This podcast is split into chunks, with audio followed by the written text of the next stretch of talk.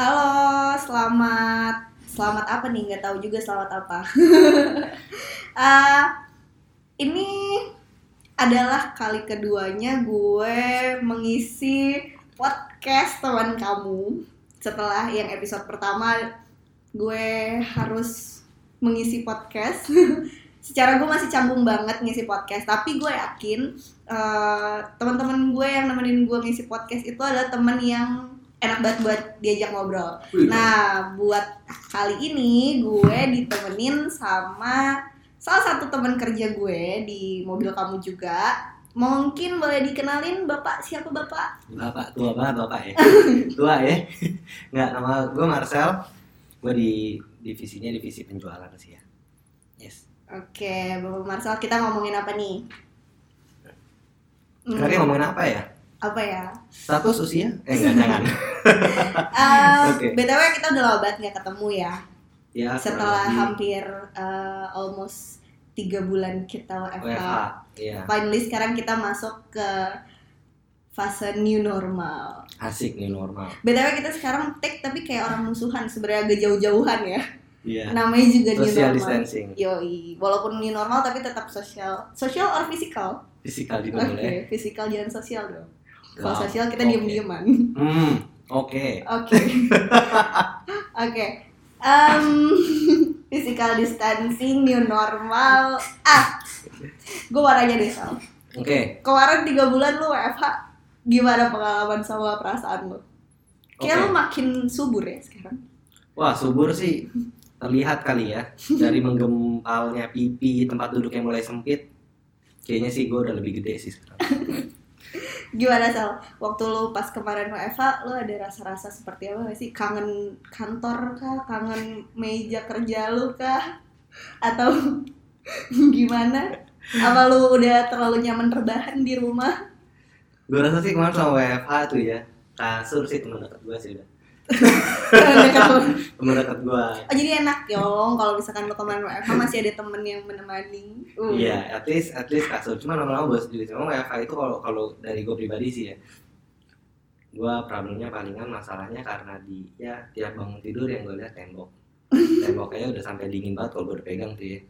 Udah dingin banget, udah udah nggak mau gue di rumah kayaknya. Makanya gue thanks juga sekarang udah masuk lagi sih. Wih, tapi gimana kalau pas kemarin lu WFH? Kayak lu masalah kerjaan lu gitu jadi ada kendala nggak sih buat koordinasi atau apa? Gitu-gitu? Oke, kalau dari gue sih koordinasi itu pasti sih ya masalah ya karena namanya biasanya di kantor ketemu ngobrol saya hai kan. Sekarang kita mesti call callan nih ya kan ada yang pakai video call kadang pakai telepon biasa. Ya pastinya ada problem sih. Salah satunya kalau di bidang penjualan kayak gue sendiri biasanya kalau misalkan eh, nggak WFH itu gue ajak customer atau klien itu datang ke kantor sih kita ketemu di sana dan kita ya ngobrol lah. Bisa gue tampil kopi dan sebagainya. Bisa gue ajak gimmick buat beli kopi. Tapi karena WFH kantor sementara nggak bisa dijadi tempat singgah at least jadi gue bakal hubungin mereka paling video call. Gitu-gitu sih. Wow, video call. Tapi lu nyalahin video lu yakin? ya pastinya sih. Lu nggak takut sama muka bantal lu? oh enggak lah. Pasti kita udah mandi dulu. Oh, mandi. bangun tidur juga kan kan Oke, tapi emang bener sih kemarin juga gue pas WFH, apalagi gue kan di corporate relation ya, untungnya sih emang gue nggak terlalu banyak, eh, karena kan kegiatan-kegiatan kita kan juga pasti banyak yang di switch ke online. Cuman emang gue juga ngalamin kendala sih, apalagi kayak gue tuh harus teamwork banget dan gue kebanyakan tuh harus brainstorm, jadi gue koneksi gue bermasalah, ntar tim gue bermasalah, itu se- sebenarnya agak sedikit emang susah ya. Sampai akhirnya awalnya gue pakai pip aku pengen nyebut brand boleh gak sih?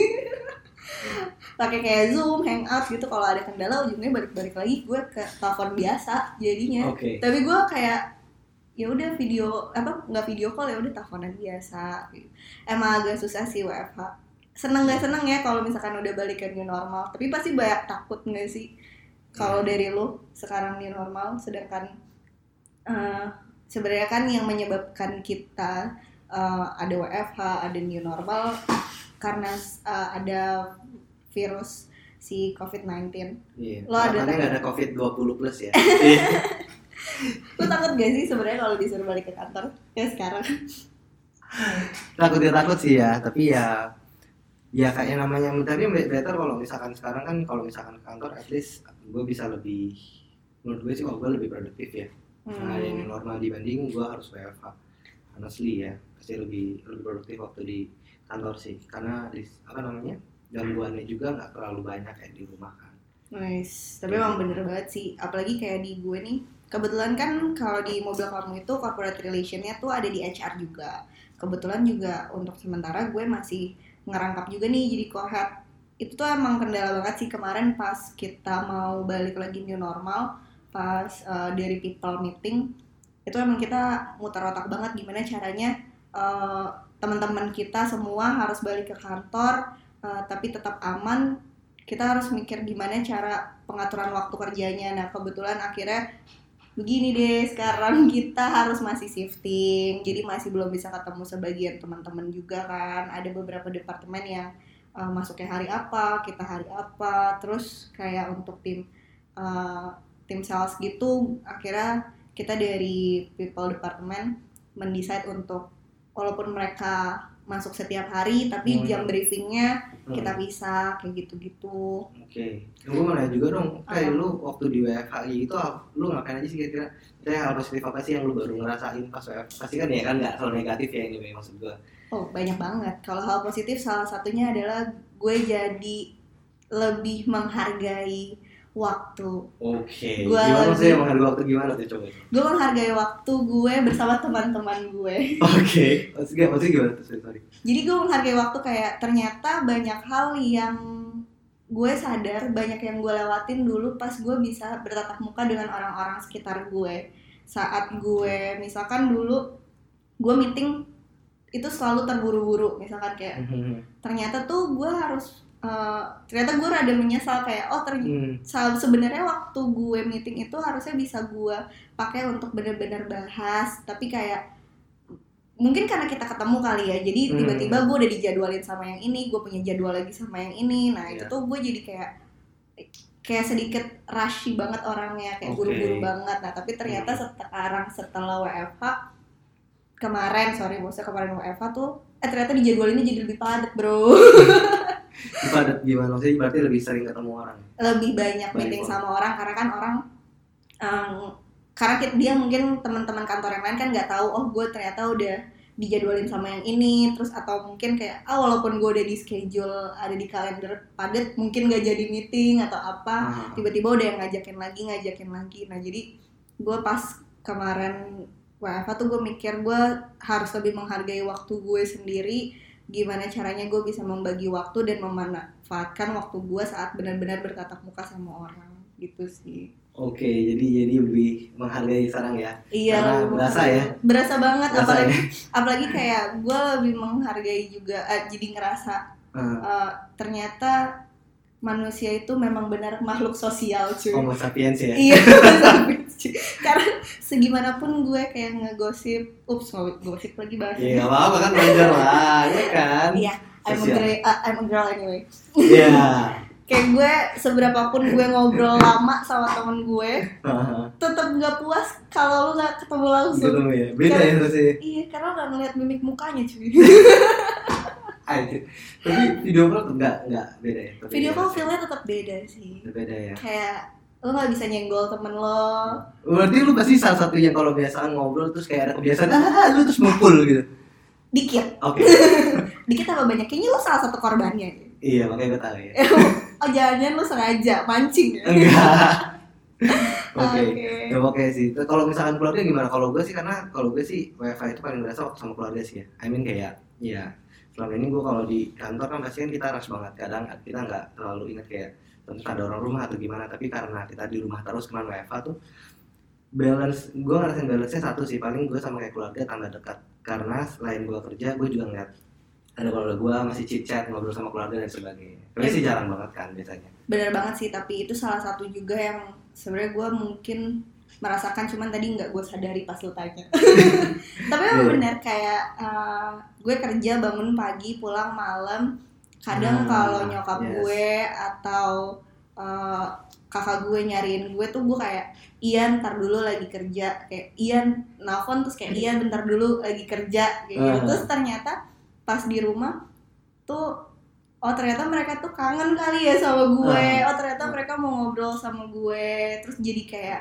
banyak momen-momen yang hilang juga ternyata sama keluarga dan itu salah satu hikmahnya juga sih. Mungkin lo Hmm. kembali uh, mendekatkan diri sama yang seharusnya dekat sama lo.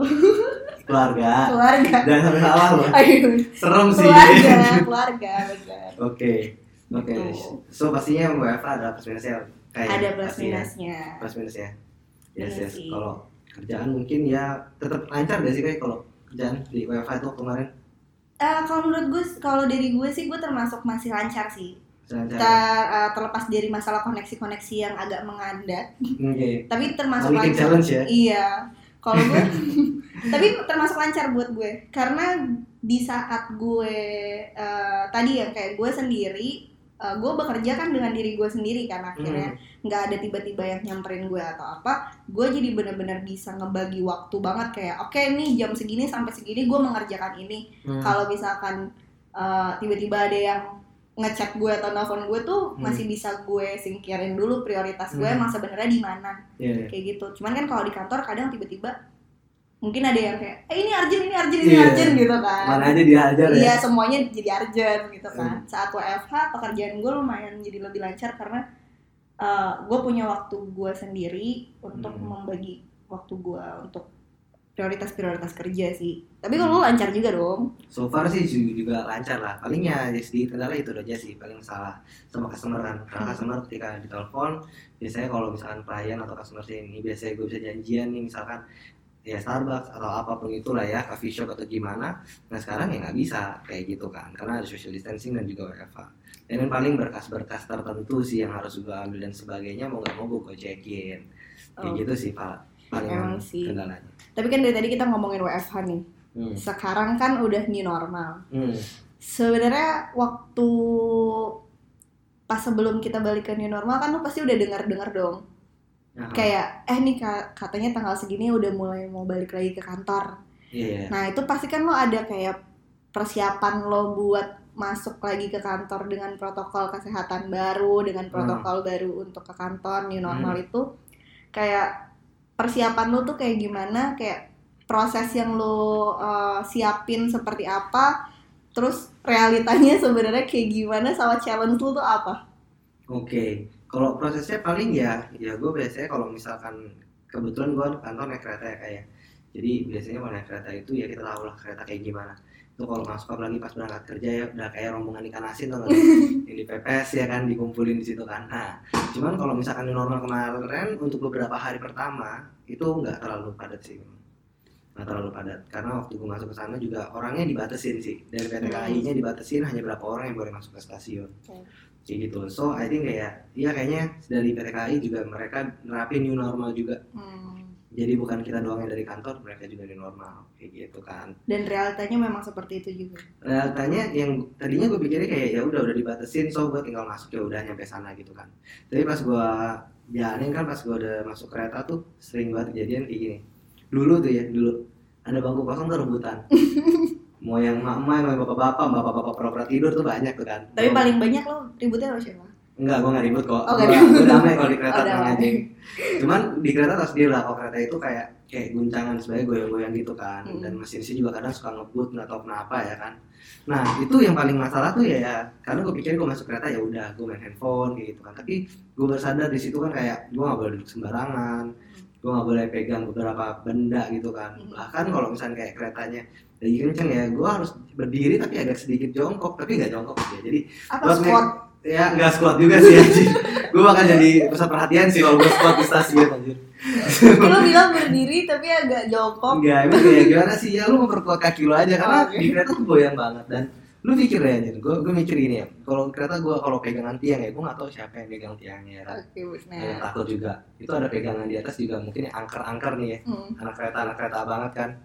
Itu tau lah ada gantungan yang bisa buat kita jadi pegangan. Iya banget. atau minimal senderan di pintu deh itu kan Yang banget. dekat ini ya pas pintu mau masuknya, yes pokoknya terus lu di sebelah kanan kalau nggak kirinya. Yes, di pojok pokoknya pojok itu tempat paling pewet. Tenang teman-teman angkar gue tahu apa yang gue rasain. Tenang banget. Nah cuman semenjak eh, new normal kayak gini, itu gue nggak mau pegang itu gue mikir beberapa kali sih. ya I know hand sanitizer dan sebagainya ya benar sih cuman iya again gue orangnya lumayan termasuk yang salah satunya itu cukup ceroboh ya gue bisa bilang jadi gue takutnya gue megang itu terus gue kayak lupa gitu ngecek mata atau gimana itu riskan banget kan. So yang gue kaget adalah itu. Kayak pikirnya gue bakal datang ke kereta ya udah gue naik kereta nyampe sana dengan aman gitu ya. Tapi beberapa kali ya gue jatuh di kereta sih ya, Ya, karena gue nggak bisa pegangan apa-apa coy. Bener-bener literally jatuh atau kadang-kadang nyenggol orang gitu kan malah tambah panik. Gue nyenggol orang anjir gitu. Saya kira disenggol balik, terus saya kira senggol-senggolan. iya lagu dong. Senggol senggolan enggak lah enggak. Enggak itu sih palingan sih ya kan. Situ sih dan sama paling traffic Jakarta gue kira udah udah longgar ternyata tetap kan. Jakarta ya Jakarta dan zaman nenek gue dulu juga macet memang. Tapi pas di kantor gimana? Soalnya kalau gue, gimana, sorry? kalau gue sih untungnya kalau perjalanan ke kantor dalam new normal eh, nggak terlalu banyak masalah sih. Karena gue masih naik kendaraan pribadi. oke it's good ya. Iya, gue masih gue naik motor, gue cetor, apa cetor, Cetor apa sih? cewek motor. astaga gila gue baru Tapi- tahu nih guys Serius, tapi gue dibonceng kok sama suami gue. Jadi bukan gue yang bawa sendiri ya. yes Jadi maksudnya masih aman lah kalau di Mhm. perjalanan. eh, tapi gue juga takut pas di kantornya. kenapa ya kantor Karena sebenarnya mobil kamu itu udah menerapkan disinfek disinfektan kan Iya disinfektan itu tuh Hmm. setiap seminggu sekali tuh kita ada di uh, di disemprot ya Iya disemprotin lah pokoknya. Nah terus uh, cuman dari gue tuh kayak masih karena gue kan insecure banget dan gue tuh Oke. gampang alergi kan. Hmm. Jadi dulu uh, pas waktu-waktu mau mulai uh, new normal, gue tuh mikir kayak oke di tas gue itu harus ada tisu basah, gue ada uh, hand san- sanitizer, terus bahkan gue ada yang uh, lu tau gak sih semprotan yang buat Baygon No Oh, no, gue gua, Bukan. emang gue kecoa. Eh, disinfektan yang buat ruangan lo tau gak sih? Yang kayak cuman eh, botol spray gitu. Buat. Oke, iya. Jadi gue ada salah satu merek yang dijual di salah satu minimarket itu Mhm. gampang banget dibawa, tapi emang ukurannya kayak baygon. Oh, gede ya? Lumayan, tapi nggak gede-gede banget sih, nggak segede baygon oke. ukuran besar. Oke, ya. Itu gue udah bawa tuh awal-awal gue kerja, karena gue mikirnya gini, eh, dis- orang nggak semprotin disinfektan belum tentu dia bener-bener kesela-sela banget kan. Ah, ah, iya. kayak gue nggak tahu tuh kolong kursi gue yang udah gue tinggalin tiga bulan kayak gimana Iya. kan nah akhirnya tuh gue sampai siapin itu semua cuy gue bener-bener gue bawa tuh tisu basah gue bawa masker dua padahal gue pakai masker kain Hmm, Ya, Oke. terus gue bawa eh, yang tadi gue bilang hand sanitizer terus disinfektan spray juga gue bawa Hmm. realitanya pas gue nyampe kantor ternyata teman-teman gue juga bawa Oke. akhirnya gue nggak bawa lagi Oke, jadi ne- nebeng ya. Iya, kayak gue nebeng. Better nebeng sih ya. gue. nebeng sih ya. Realita bisa nebeng, kenapa harus gue bawa ya? Iya. Yes, make sense. tapi ya. yang gue bawa sendiri akhirnya cuma hand sanitizer tisu basah sama masker Oke, itu memang wajib sih ya sekarang. iya kayaknya. itu mah memang wajib banget sih itu persiapan gue banget tapi challenge gue pun adalah kalau gue kadang kan ada orang yang udah eh, lu udah persiapan banget nih persiapan eh, lu bawa ini lu bawa itu Eh, yang tadi gue bilang Hmm. mungkin kitnya kita sendiri ternyata ada juga tapi waktu itu gue ketemu orang di kantor ternyata dia nggak pakai dia nggak pakai masker dia mau masuk ruangan kantor kan kita di uh, Iya. termometer Termoskan, kan ya, di, di, di Termogan. measure dulu Iya. berapa uh, suhu badan lo terus uh, suruh cuci tangan dulu terus uh, masih ada juga orang-orang yang uh, nggak mau masuk kalau eh nggak mau Nggak mau masuk disuruh kan? Oh, nggak mau dicek nggak mau dicek suhunya terus dia nggak pakai masker nggak tahu Apa jangan-jangan dia apa apa? Jangan-jangan dia pemalu. dia pemalu. Dia dia malu kali. Atau mungkin dia di jenazahnya tanda lahir mungkin. nggak tahu apa dia mungkin sebenarnya sudah nginep di kantor dari kemarin Hmm, bisa jadi, bisa jadi. Bisa jadi. tapi itu sih challenge gue adalah di saat kalau new normal di saat gue harus bertemu dengan orang-orang yang mungkin tingkat kesadarannya masih kurang Oke. itu challenge banget sih kayak ih gue udah prepare banget loh men untuk Iya. awareness-nya kurang iya tiba-tiba Kan ada yang orang kurang iya Yes, dan orang beda-beda sih ya, mungkin dari kita sih. iya Lu ada challenge ini gak sih? Gua gua salah satu challenge-nya ini bukan banyak challenge ya. Maksud gua kayak challenge challenge-nya itu kayak gua kalau pas sampai kantor gua mau beli kopi nih. Lu Hmm. tau kan di bawah itu uh, or, toko yang nyediain coffee shop itu tuh pintunya ditarik, Ih, itu pintunya ditarik. tuh gua mau narik ya pakai siku kan kan buka pintu tuh pakai siku kan ya susah Iya. sih anjir Tapi gue ada satu solusi buat itu. oke ah ini apa nih Jadi gue punya printer 3D di rumah. Itu gue ngeprint eh, bentuknya tuh buat congkelan gitu cuy. jadi lu congkelan sama mana Iya, gue buat congkelan serius? mana-mana. Iya. Nah, mungkin kalau lu mau, lu bisa ngeprint di rumah gue. berapa ya Nanti lah ya, di luar, berapa? di luar podcast ya. Di luar ya podcast. oke oke oke Tapi itu bener sih, kadang banyak banget yang pintu-pintunya masih ditarik. hmm Kalau kalau gue sih disaranin sama nyokap gue kayak bawa tisu basah, jadi lu bukanya pakai tisu basah. ah Sebenarnya iya, sih iya, itu bisa solusi sih. itu kayak Mm-mm, jadi nggak perlu tuh eh, yang pakai congkelan yang tadi gue Hmm. bikin. Hmm. Kalau menurut gue sih lu masih bisa tuh pakai tisu basah. Mungkin solusi Hmm. juga tuh buat teman-teman yang dengerin Iya, kalau iya, bisa, misalkan gue juga nggak ngeh tuh ya bener juga ya pakai tisu basah tisu basah bener. Hmm. Kalau kalau menurut gue sih kayak pakai hand sanitizer lu masih abis itu lu pegang kotor lagi. Iya, iya. Kalau tisu basah kan masih bisa lu lu pakai pegangnya pakai tisu basah terus tisu basahnya lu buang. Still, masih better sih Mm-mm, masih. atau tisu basah tuh kan bisa dilipat empat tuh. Hmm. Maksudnya dia kelipat empat. Jadi Iya. bisa lu bagi empat, nah itu bisa empat kali pakai. Oke. Atau bolak balik. Yes, yes. Jadi sponsor, jadi kita disponsori oleh tisu basah. tidak, tidak ya, ya. Jadi kita sponsor tisu basah ya. Oke. Sponsor terselubung yang gak ada brandnya. Tisu basah. Gak ada tisu basah kamu ya. Nggak ada. Nggak Mungkin ada. bisa jadi solusi. Yes, yes. Nah, kalau misalkan menurut lu nih kayak nih, Hmm. lu kan pas kita kan udah jalanin WFH, new normal, so far lah ya. Mm-mm. Pasti banyak kesan kesannya lah, kesan kesannya pasti banyak lah ya, yang positif dan negatif. Banget. Harapannya ya lebih banyak positif aja sih ya. Positif terus dong. Harus positif sih Oh, Harus ya, karena positif. corona aja negatif. Tapi kalau kalau positif corona bahaya. Bahaya, jangan, jangan yang, yang itu boleh jangan. negatif hanya hanya corona aja. Yes. Nah, kira-kira kalau dari lu sendiri nih Kai, lu ada ngasih tips nih mungkin buat sama teman-teman, buat gue juga, gimana caranya biar bisa lebih produktif juga nih di new normal, karena kan new normal a lot of things yang berubah ya, Hmm. dari cara kita nyapa orang dan sebagainya kan banyak banget, atau manage waktu. Menurut lu kayak gimana tuh? Kalau dari lu, kira-kira ada nggak tips buat gimana biar lebih produktif? Kalau gue sebenarnya kebetulan kemarin pas banget tim gue tuh abis uh, gue gak tahu sih lu udah baca apa belum di internal newsletter gue.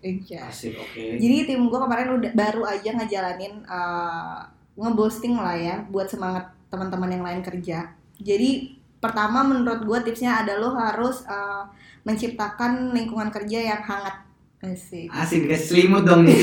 Bukan Iya. cuy. Jadi uh, ya, lo gitu. encourage friendship aja gitu loh. Maksudnya kayak Oke. lo uh, bisa jadi teman yang saling support satu sama lain. Karena Hmm. kan uh, ibaratnya menciptakan budaya saling menghargai. Hmm. Yang tadi gue bilang mungkin uh, ada orang yang awarenessnya masih rendah, ada juga Iya. yang udah tinggi. Cuman uh, kalau kita udah masuk ke fase new normal, itu namanya toleransi menurut gue harus ditingkatin. Jadi Oke. toleransi dalam hal mungkin lu punya perspektif lu sendiri tentang pandemi sekarang, tapi Hmm. kan ada juga yang uh, ketakutannya tinggi. Mhm.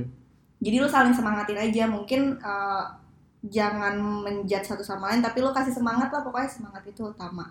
Jadi Oke. lo harus kalau pas baru ketemu temen lo uh, ciptain lingkungan kerja yang hangat. Jadi jangan jangan bawa-bawa berita negatif atau Hmm. apa. Itu tuh penting banget karena terlepas dari pekerjaan itu sendiri, kita kan masuk ke lingkungan baru nih ibaratnya new normal. Hmm, hmm. uh, kita harus ada penyesuaian lagi. Nah, salah satunya adalah uh, sosialisasi antara satu sama lain. Itu sih Hmm. yang gue maksud tadi, uh, menciptakan lingkungan kerja yang hangat. Terus uh, lebih belajar lagi um, menghargai uh, pencapaian tim lo, uh, bukan tim sih, pencapaian teman lo satu sama lain. Hmm. Kayak mungkin kan lo udah lama nggak ketemu nih.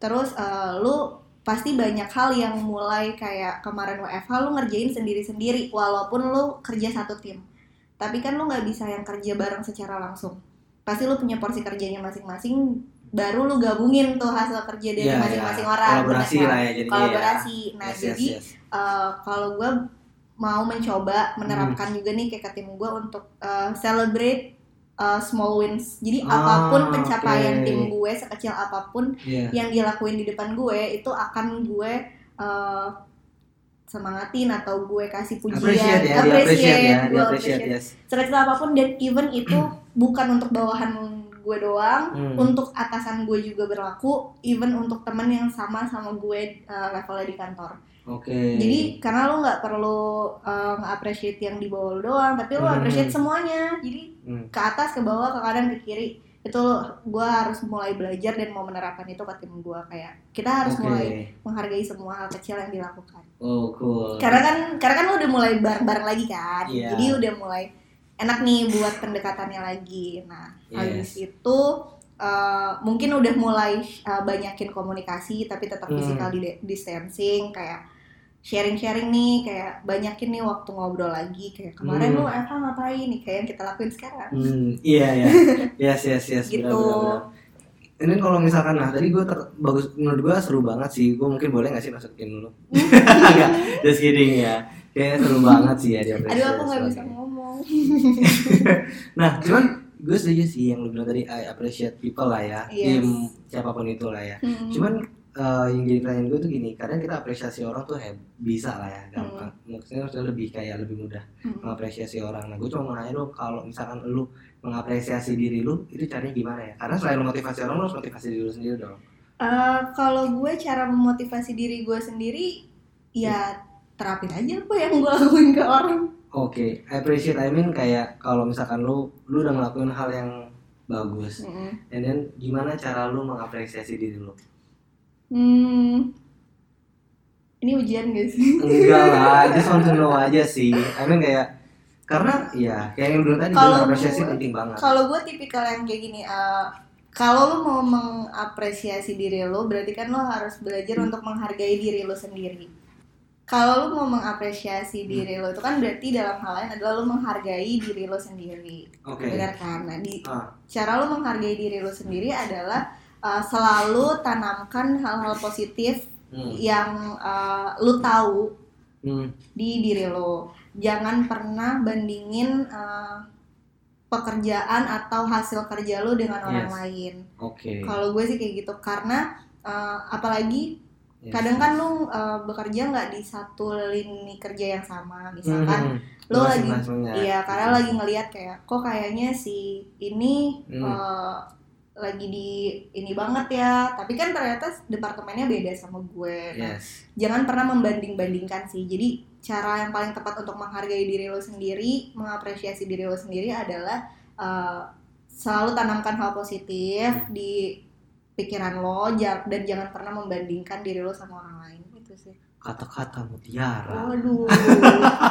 Oke oke, but it's cool sih, benar sih, benar. Jangan comparing with others lah ya. Iya. Dan dan compare with others sih, benar-benar. Karena lo akan selalu menemukan celah nanti jadinya. Iya, diri lu sendiri juga. gitu Iya, ya. Yes, gitu. yes. Nah, mau nanya juga sih kalau misalkan lu, lu ada gak sih hal yang paling lu suka? Karena mas gue kayak appreciate sometimes kalau gue pribadi kayak gue kalau misalkan udah achieve misalkan meeting with five clients atau Hmm. berapa klien gitu gue bakal luangin waktu gue buat gue suka banget makan sih honestly jadi gue bakal luangin diri gue buat kayak ketika gue achieve hari sabtunya gue harus datang ke Boleh. eat kayak gitu I mean kayak ada something gak sih yang ngelakuin kayak gitu lu suka apa terus lu set itu untuk jadi goals mungkin Kalau gue kalau gue lebih ke ini. Mungkin gue tuh anaknya suka banget nonton. Gue suka nonton tapi bukan drakor. Gue nonton tapi bukan drakor. gak nangis-nangis sendiri gitu. Yes, nah kan gini kalau kerjaan tuh gue sering banget sibuk kan. Hmm, hmm. Nah gue pasti gini, gue pengen banget nonton film A 10 episode Oke, Misal- maraton ya. maraton. Oke. Jadi gue kayak Oh, oke. gue eh, ini kerjaan harus gue beresin hari ini dengan pencapaian hasilnya seperti ini supaya gue nanti bisa nonton drakor 10 sebenarnya sih jadi buat encourage diri gue sendiri Iya, nanti itu motivasi juga kan. Itu motivasi, Jadi terus goals. uh, nanti pas gue selesai atau gue achieve pas gue achieve terus gue akhirnya bisa nonton itu gue ngerasa uh, itu celebrating gue sendiri. Gue Ah. udah nonton 10 episode karena kemarin gue bisa kerja cepet weh. Asik, mantul. Kayak gitu kalau gue Yes, yes.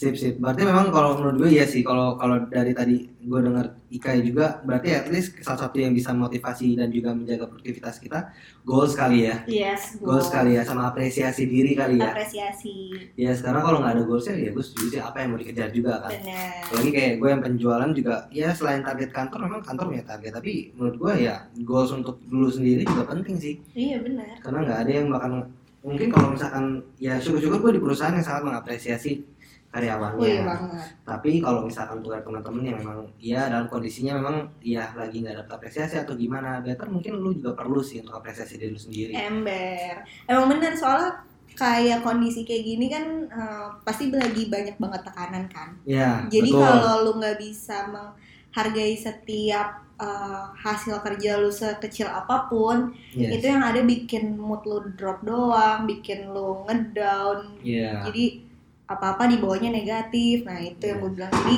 belajar untuk eh, menghargai untuk apa menghargai semua pekerjaan. proses dia Iya setiap proses gitu sih. yes yes yes cool sih yes Iya. intinya adalah goals tuh ya.